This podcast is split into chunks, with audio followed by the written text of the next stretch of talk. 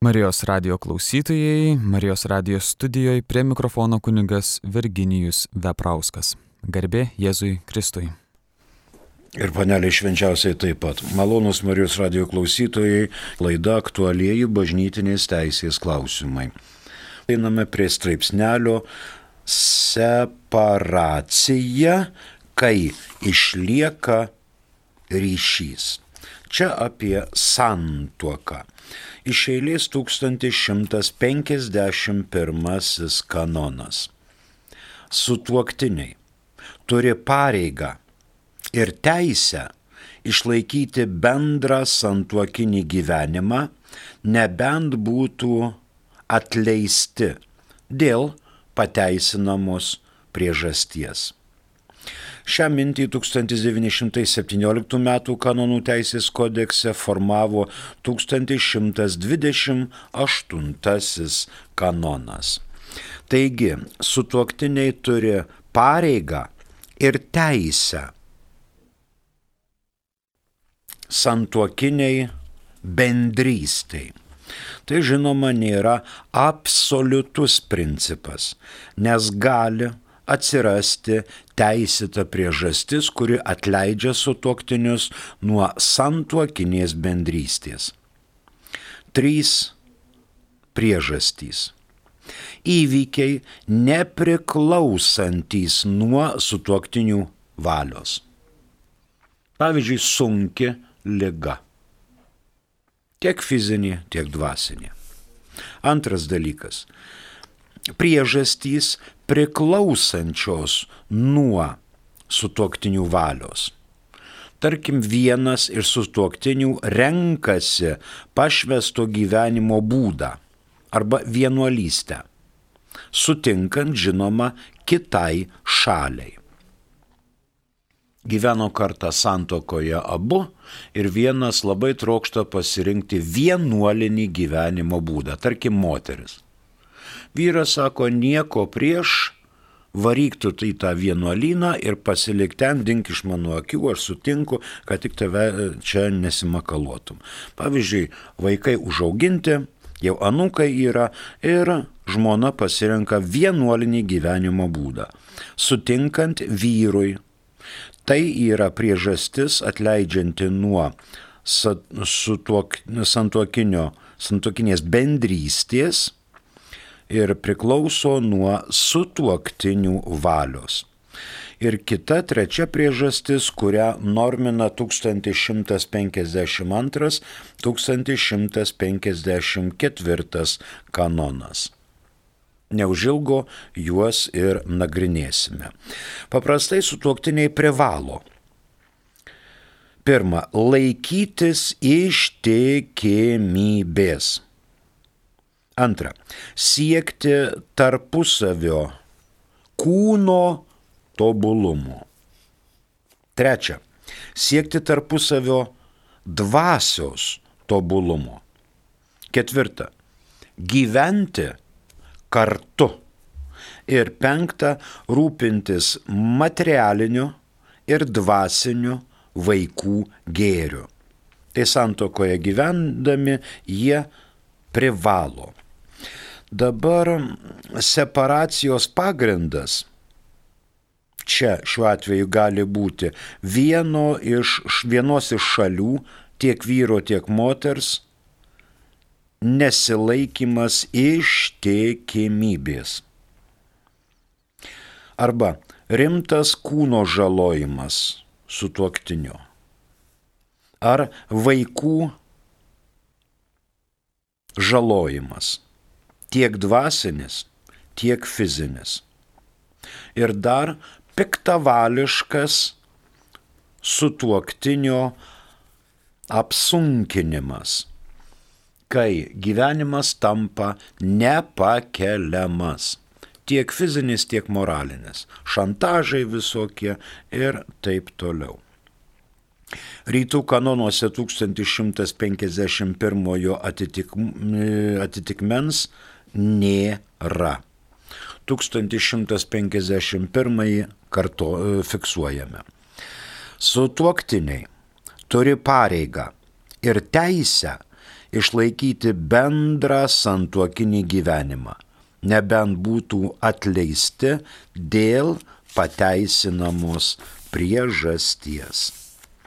1152 turi tris paragrafus. Pirmas.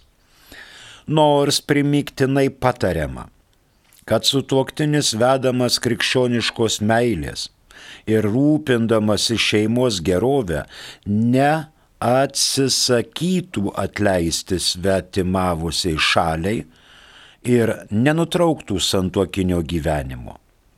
Tačiau jei aiškiai ar tyliai nedovanojo jo kalties, turi teisę nutraukti bendrą santuokinį gyvenimą.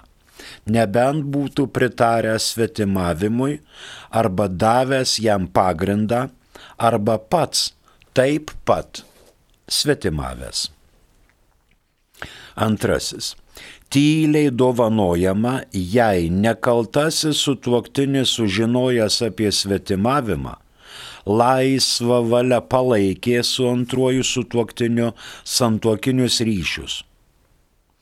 Tai prezumuojama, kad jis šešis mėnesius išlaikė bendrą santuokinį gyvenimą, nesikreipdamas į bažnytinę ar civilinę valdžią.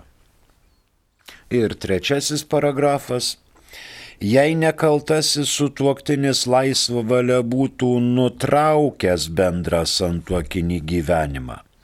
Per šešis mėnesius turi pateikti separacijos bylą kompetentingai bažnytiniai valdžiai, kuri, ištyrusi visas aplinkybės, įvertintų, ar galima paskatinti nekaltai sutuoktinį dovanoti kaltę ir nepratesti separacijos visam laikui.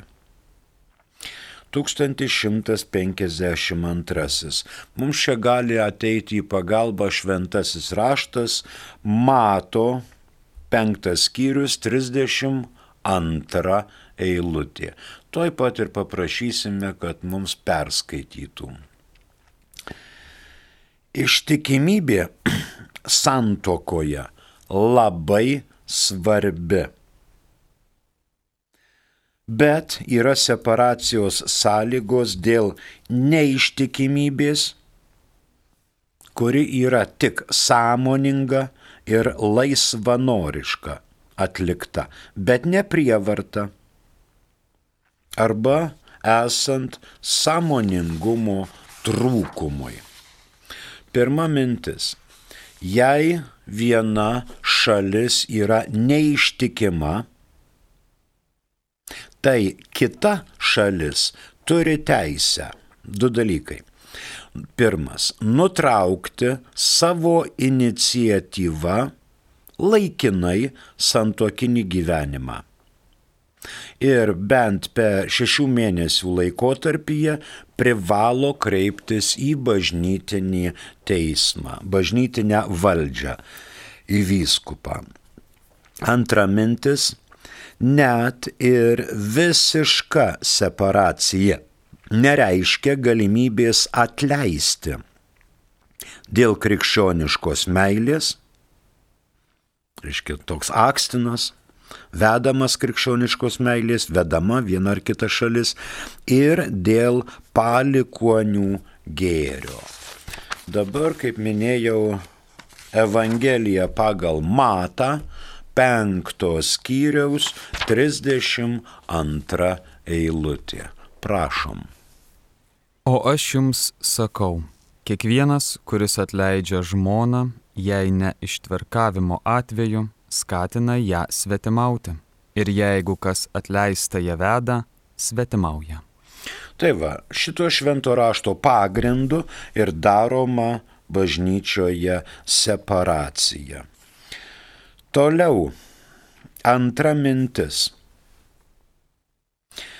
Kada sutuoktiniai neturi separacijos teisės neturi separacijos teisės, jei aiškiai arba tyliai dovanojo neištikimybės kaltę.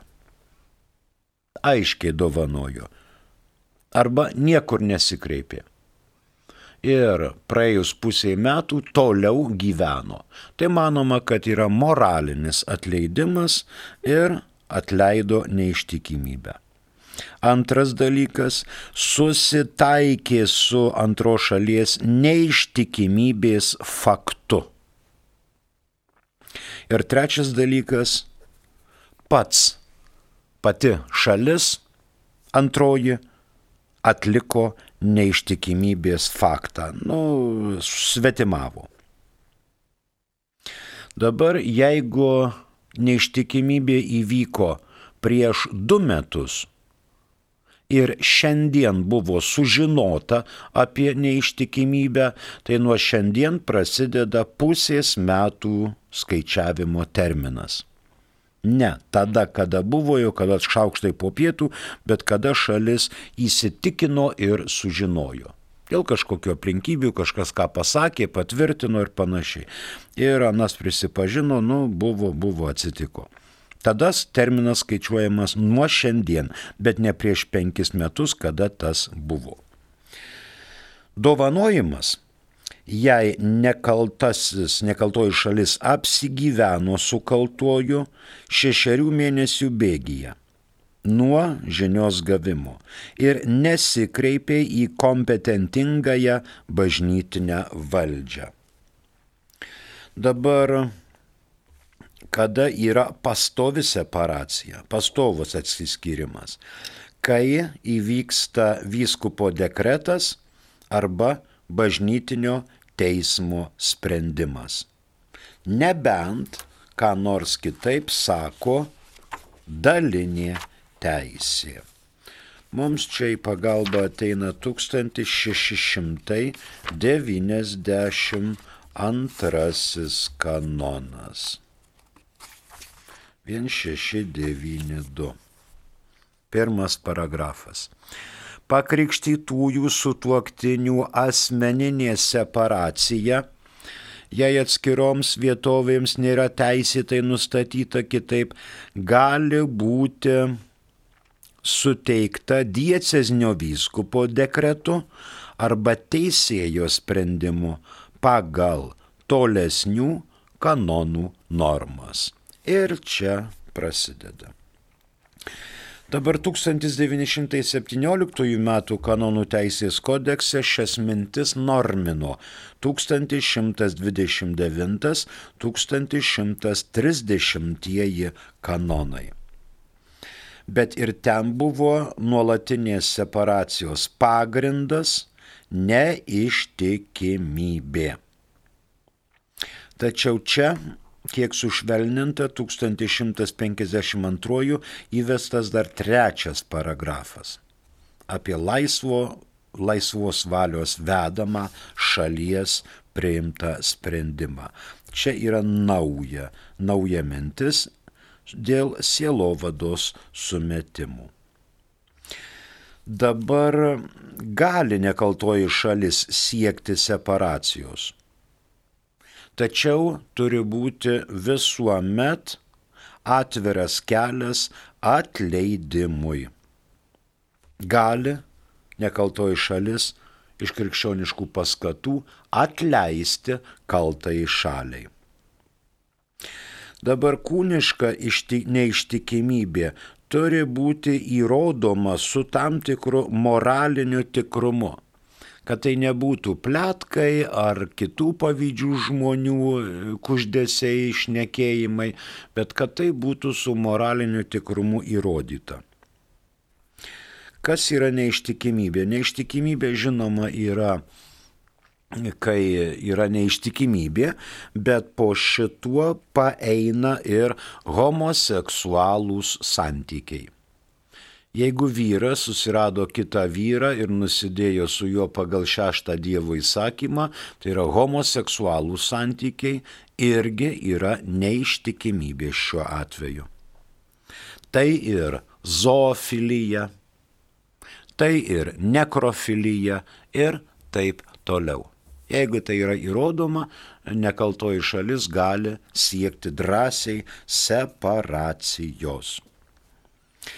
1152 pasiaiškinome rytų kanonuose, tai yra 863. Šias mintis normina. Kitas e, dabar fiksuojame. 1152 pirmas paragrafas. Nors primiktinai patariama, kad sutuoktinis vedamas krikščioniškos meilės ir rūpindamas iš šeimos gerovę, neatsisakytų atleisti svetimavusiai šaliai ir nenutrauktų santokinio gyvenimo. Tačiau jei aiškiai ar tyliai nedovanojo jo kalties, turi teisę nutraukti bendrą santuokinį gyvenimą, nebent būtų pritaręs svetimavimui. Arba davęs jam pagrindą. Arba pats taip pat svetimavęs. Antrasis tyliai dovanojama, jei nekaltasis sutuoktinis, sužinojęs apie svetimavimą, laisvą valią palaikė su antruoju sutuoktiniu santuokinius ryšius, tai prezumuojama, jei jis šešis mėnesius išlaikė bendrą santuokinį gyvenimą nesikreipdamas į bažnytinę ar civilinę valdžią. Trečias.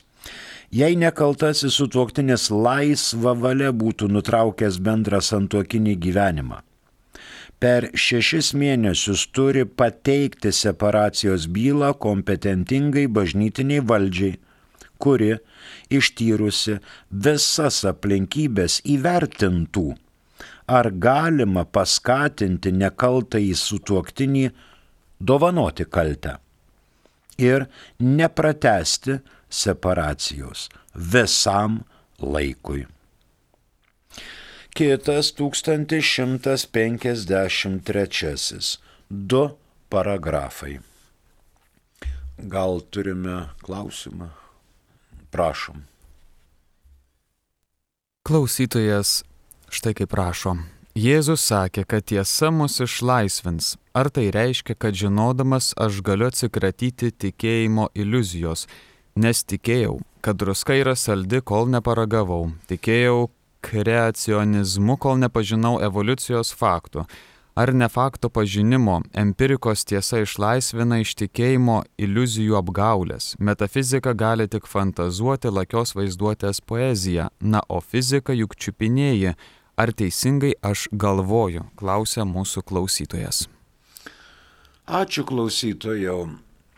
Čiupinėjim čiupinėti galima, bet tai ne vien čiupinėjimas, yra empirika. Jėzus sakė, ne kad mus išlaisvins, nes tai jau liestų ir Jėzų, bet Jėzus pasakė tiesa, jūs išlaisvins. Tiesa mus išlaisvins, bet net kalbėjimas apie tiesą tiesa yra daroma. Daroma tiesa. Ne apie ją kalbama. O čia šita žodžių ekvilibristika, čia ar taip ar anaip, evoliucijos faktai, dar kas nors, jūs žinote, kad tiesa mus išlaisvins. Žiūrint kokia tiesa.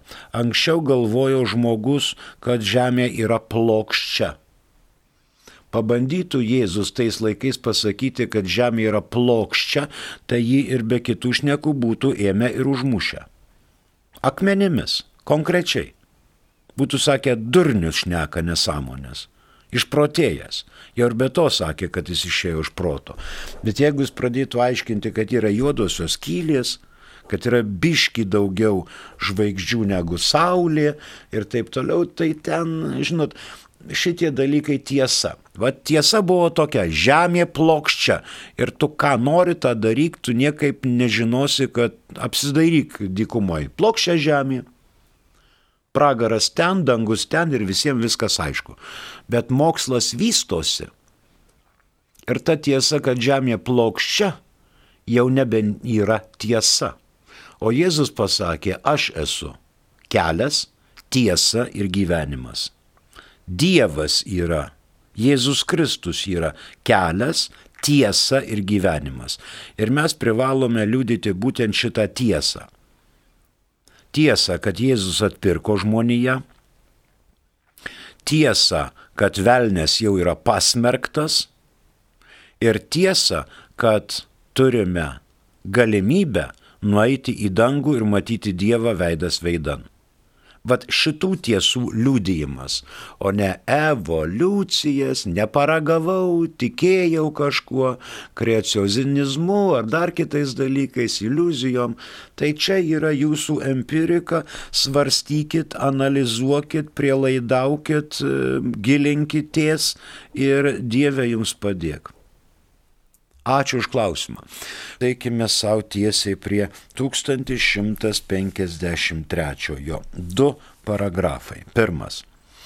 Jei vienas iš sutuoktinių sunkiai pakelia, pakenkia tiek dvasiniai, tiek fiziniai kitos šalies ar vaikų geroviai, arba kitaip per daug apsunkina bendrą gyvenimą, kitai šaliai suteikia teisėtą priežastį pasitraukti vietos ordinaro dekretu ir jeigu dėlsimas būtų pavojingas, netgi savo sprendimu. Antrasis. Visais atvejais išskyrus separacijos priežasčiai, išnykus jai separacijos priežasčiai, privalu atkurti bendrą santokinį gyvenimą nebent bažnytinės valdžios būtų nustatyta kitaip. Čia yra 1153 kitos priežastys šalia neištikimybės priežasties. Mes turime keletą minčių. Pirmoji - 1917 m. kanone, kanonų teisės kodekse tą normino 1131. Dabar nėra ankstesniam kodekse numatytų, kad ten, jeigu pereina į nekatalikišką sektą, ar vaikai atiduodami nekatalikiškam auklėjimui ir taip toliau. Čia buvo numatyta, jei vienas iš sutoktinių, pavyzdžiui, sukelia grėsmę vaikų sielai ir savo sielai palieka katalikų bažnyčią, elgesi nekorektiškai, netolerantiškai šeimoje, draudžia su tuoktiniu praktikuoti religiją, taip pat draudžia vaikus auklėti ir auginti katalikų tikėjime. Ir dabar, e, jeigu vienas iš sutoktinių sukelia grėsmę kūnui, pavyzdžiui, alkoholio įtakoje daužo žmoną, laksto su peiliu, kenčia vaikai, gauna per snukelį ir tie mažučiai. Spardo. Nešia žmona spardo. Sukelia tokias situacijas, kad jau ten namuose yra pragaras. Kita mintis - apsunkina bendrą gyvenimą. Pavyzdžiui, atsisako išlaikyti šeimą, neparneša atlyginimu. Ką tu žmona nori, tą daryk, susimokėk pati iš savo santaupų ir už elektrą, ir už dujas, ir už šildymą. Sukelia nepakeliamą atmosferą kitai šaliai ir vaikams. Nepakeliama gyventi atmosferą. Čia lyg tai ir būtų kaip ir anksčiau minėta Pauliaus privilegija, bet ten buvo tik tarp nepakrikštytųjų o čia vyksta tarp pakrikštytųjų. Todėl bažnyčia žiūri ir palaiko mažesnį blogį ir gina katalikiškąją šalį. Dar viena mintis - separacija yra pavesta vyskupo rūpeščiu ir vykdomas procesas pagal 1692, pagal 1696 kanonus. Čia turi būti aišku moralinis tikrumas ir sąžinės ramybė. Kažkaip reikia įrodyti, kad jis ten šlaistosi su peiliu, su kumščiais, ten pasėmęs šakes aplink namą vaiko, žmona vaikus ir taip toliau. Kažkaip reikia įrodyti, ar kaimynai mato, o jeigu jis šypsos ir sako, aš to nieko nedariau, o žmona įkaltina, kad tu darėjai, tai turi būti įrodomumas. Čia turi būti priežastys būtinos ir teisiškai pakankamos dėl separacijos. O jeigu yra civiliniai padariniai, tai kreipiamasi į civilinį teismą. Jeigu separacija įvyko, kažkaip reikia turtelį padalinti, ten tas paklodės įsidraskyti, šaukštelius pasidalinti ir visa kita. Tada kreipiamasi ir į civilinį teismą. Ar mes turim dar klausimą? Prašom. Tas pats klausytojas taip. rašo taip. Viduramžių pontifikatą studijuojant, tai vien ištvirkavimai, lėbavimai, žudynės ir sukčiavimai. Net terminas yra seculum obscurum - pornokratija. Kaip šetonai pavyko išspirt Dievą iš ten tuo laikotarpiu? Tai jūs ir klauskite viduramžių pontifikato laikotarpius. Tempus obskūrus. Galbūt ir sėkulium obskūrum, bet tempus, tempus obskūrus. Lėbavimai, ištvirkavimai, žudynės, sukčiavimai. Taip, buvo. Jūs manot, kunigėliai šitų dalykų nestudijuoja? Studijuoja. Ir pornokratija, Šėtonui pavyko nuo gimtosios nuodėmės laikų susukti smegenis. Žmogui. Dėl to ir atėjo išganytojas, kad išlaisvintų mus iš to. O jūs pasakykit dabar kitaip? Ko čia tik viduramžiai? O dabar pedofilija, tai ką kitaip? lygiai taip pat. Nežiūrint to, pasako, pasakė Kristus, kad pragaro vartai bažnyčios nenugalės. O jūs sakot, kaip šėtonui pavyko? Šėtonas turi angelo prigimtį. Šetono, šetolo intelektas tai yra angelo intelektas. Žmogus nepajėgus su angelo intelektų lygintis, tuo pačiu ir su šėtono intelektu. Šėtonas yra lygiai tokio paties intelekto kaip angelas. Tik šėtonas yra puolęs angelas. Jis kovoja pralaimėtą kovą ir dažnai jam pavyksta nugalėti žmogų. Taip. Bet mes turim atpirkėją.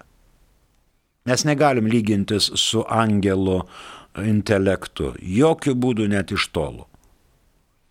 Bet šietonas negali matyti žmogaus, jeigu tas meldžiasi. Šietonas negali matyti Dievo. O jeigu žmogus meldžiasi, Dievą garbina, yra vienybėje su Dievu, tai šetonas nebegali matyti ir žmogaus, jis siunta ir nervuojasi dėl besimeldžiančio žmogaus, jis jo nepasiekia. Jeigu pagundos atsiranda, prasideda malda žmogui ir žmogus pastumia šėtono pagundas į šalį. Šėtonas nepajėgus matyti Dievo ir nepajėgus matyti besimeldžiančio žmogaus. Šeitonui dinksta iš akių, iš valios visi šitie reikalai. Tai vad šietono intelektas yra angelo intelekto lygio. Nuostabu tiesa. O žmogus besimeldžiantis padeda į vietą šietoną su visu jo intelektu padeda į vietą. Ir tas pradeda nervuotis, jis nebepajėgia, nebegali, nebesuvokia, kaip prie to žmogaus prieiti. Ačiū už klausimą. Labai labai ačiū. Na, toliau dabar sakėm, kad kreipėsi dėl civilinių padarinių į teismą, kad padalintų ten visus tuos dalykus tarpusavyje. Ir dar viena mintis prie 1153. Jeigu separacijos priežastys, tiek pastovios, tiek laikinos separacijos išnyksta, tai tada, pavyzdžiui, atleido neištikimybę po kelių metų, tai tada fiksuojamas radikalus, tarkim, kitos šalies gyvenimo pasikeitimas. Buvo chroniukas, bet palankė anoniminių alkoholikų klubą, grupę ir pasitaisė, dabar jau kuris laikas tvarkingai gyvena, susirado darbą, maldauja ant kelių žmonos, priimk atgal mane pas vaikus ir save, galimas ir atleidimas. Ir tada, jeigu radikaliai pasikeičia viskas, dera atnaujinti santokinį ryšį. Dera atnaujinti. Nebent vyskupo dekrete ar teismo sprendime būtų parašyta kas kita. Pavyzdžiui, kad pastovi separacija iki grabo lentos, bet vis tiek atleidimui kelias egzistuoja. Turi būti santuokos teisių ir pareigų sustabdymas šiuo metu, kai vyksta separacija. Ir matot, čia yra ne, ne kas nors kita, ne kažkokie tai svarstymai, bet čia kitos šalies kaltė. Kitos šalies kaltė. Jeigu viena šalis įpuolė į lygą, tarkim, nu, lyga, kokios būna lygos, o visokios, širdies kraujagyslių, ten gimdos kaklelio vėžys ar, ar dar kokios į lygą. Tai toks žmogus reikalingas tikrai su tuoktinio pagalbos ir negali sakyti, kad tu šlindrytė čia, e, žodžiu, užsikreitai, susirgai, tai eik von iš mano namų. Ne, krikščioniška meilė turi teisę pareikalauti, kad būtų rodoma slauga, rodoma kitam sutuoktiniui meilė ir pagalba, kad būtų visuomet ištiesiama pagalbos ranka kitam sutuoktiniui ir to paties mokomi vaikai. Daviau priesaiką, aš tave neapleisiu. Ir varge, ir džiaugsme. Ir aišku, suspaudimuose. Nors kaltė vienokią ar kitokią, daro, sudaro sąlygas separacijai. 1153 atitikmo rytų kanonuose yra 864. 1153 fiksuojam du paragrafai. Jei vienas iš sutuoktinių sunkiai pakenkia tiek dvasiniai, tiek fiziniai kitos šalies ar vaikų geroviai, arba kitaip per daug apsunkina bendrą gyvenimą, kitai šaliai suteikia teisėtą priežastį pasitraukti vietos ordinaro dekretu ir jeigu dėlsimas būtų pavojingas, netgi savo sprendimu. Antras. Visais atvejais išnykus separacijos priežasčiai privalu atkurti bendrą santokinį gyvenimą, nebent bažnytinės valdžios būtų nustatyta kitaip. Turim klausimą, tai prašom. Mūsų šis klausytojas šios mm. dienos rašo. Mėla. Ar tie kiti šventieji raštai Kodžikis japonų, Avesta, Zoroastrų, Koranas ir daugybė kitų religijų irgi dievų įkvepta, nors ten rašomi visai skirtingi dalykai. Kaip nustatom, ar jau čia tų dievų įkvepta, kai kam ir Lenino raštai su Mein Kampf dievo įkvėpti. Nu, Lenino raštai, tai žinoma, gimtaja kalba buvo prieinami, bet aš negirdėjau, kad Mein Kampf buvo pasiekiamas veikalas gimtaja lietuvių kalba. Jeigu jūs studijuojate Mein Kampf tokį leidinį, tai įdomu, įdomu šitaip pasižiūrėti. Na, čia dar ne, ne mūsų svarstoma žinoma dalykas, jūs klausėte apie Dievo įkvėptus. E, Senojo testamento išrinktoji žydų tauta išlaikė monoteizmą. Nei japonų, nei kinų, nei kitos religijos neišlaikė monoteizmą. Monoteizmą išlaikė tik tai išrinktoji žydų tauta, kurią Dievas vedė ištisais tūkstantmečiais ir sakė, palaukit, ateis atpirkėjas. Mes tikime, kad atpirkėjas atėjo prieš 2000 metų. Kristaus asmenyje mes randame visą dievystę.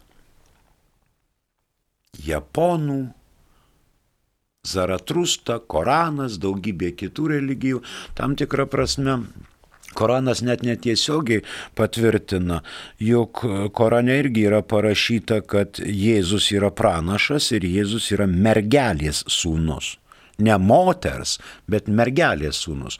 Reiškia, tais laikais krikščionys taip tikėjo, kad net į Koraną persidavė mintis, kad Jėzus Kristus yra mergelės sūnus.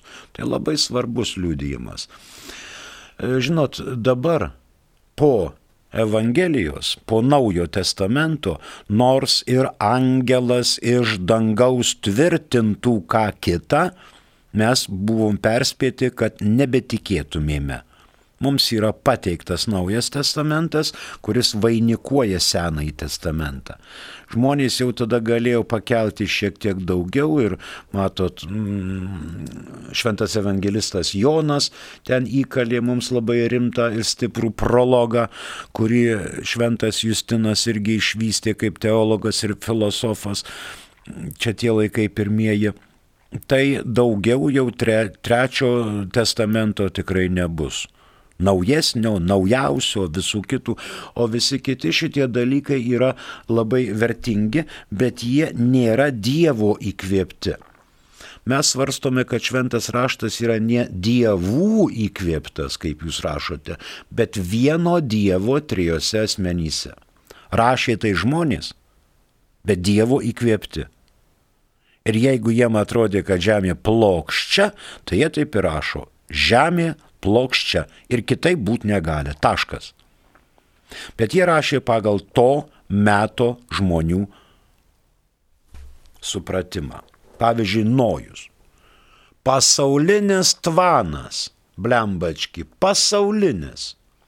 Tai mes ir galvojam visą žemės rutulį užtvinti. Jokių būdų ne.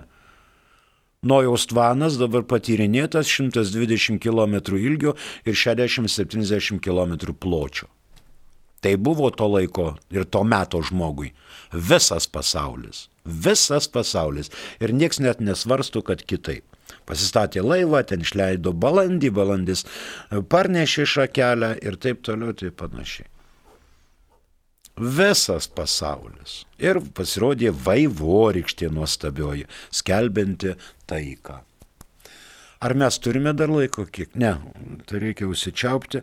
Ačiū, prie mikrofono dirbo kunigas Virginijus Veprauskas, mėla buvo su jumis pabendrauti, ačiū ir sudė.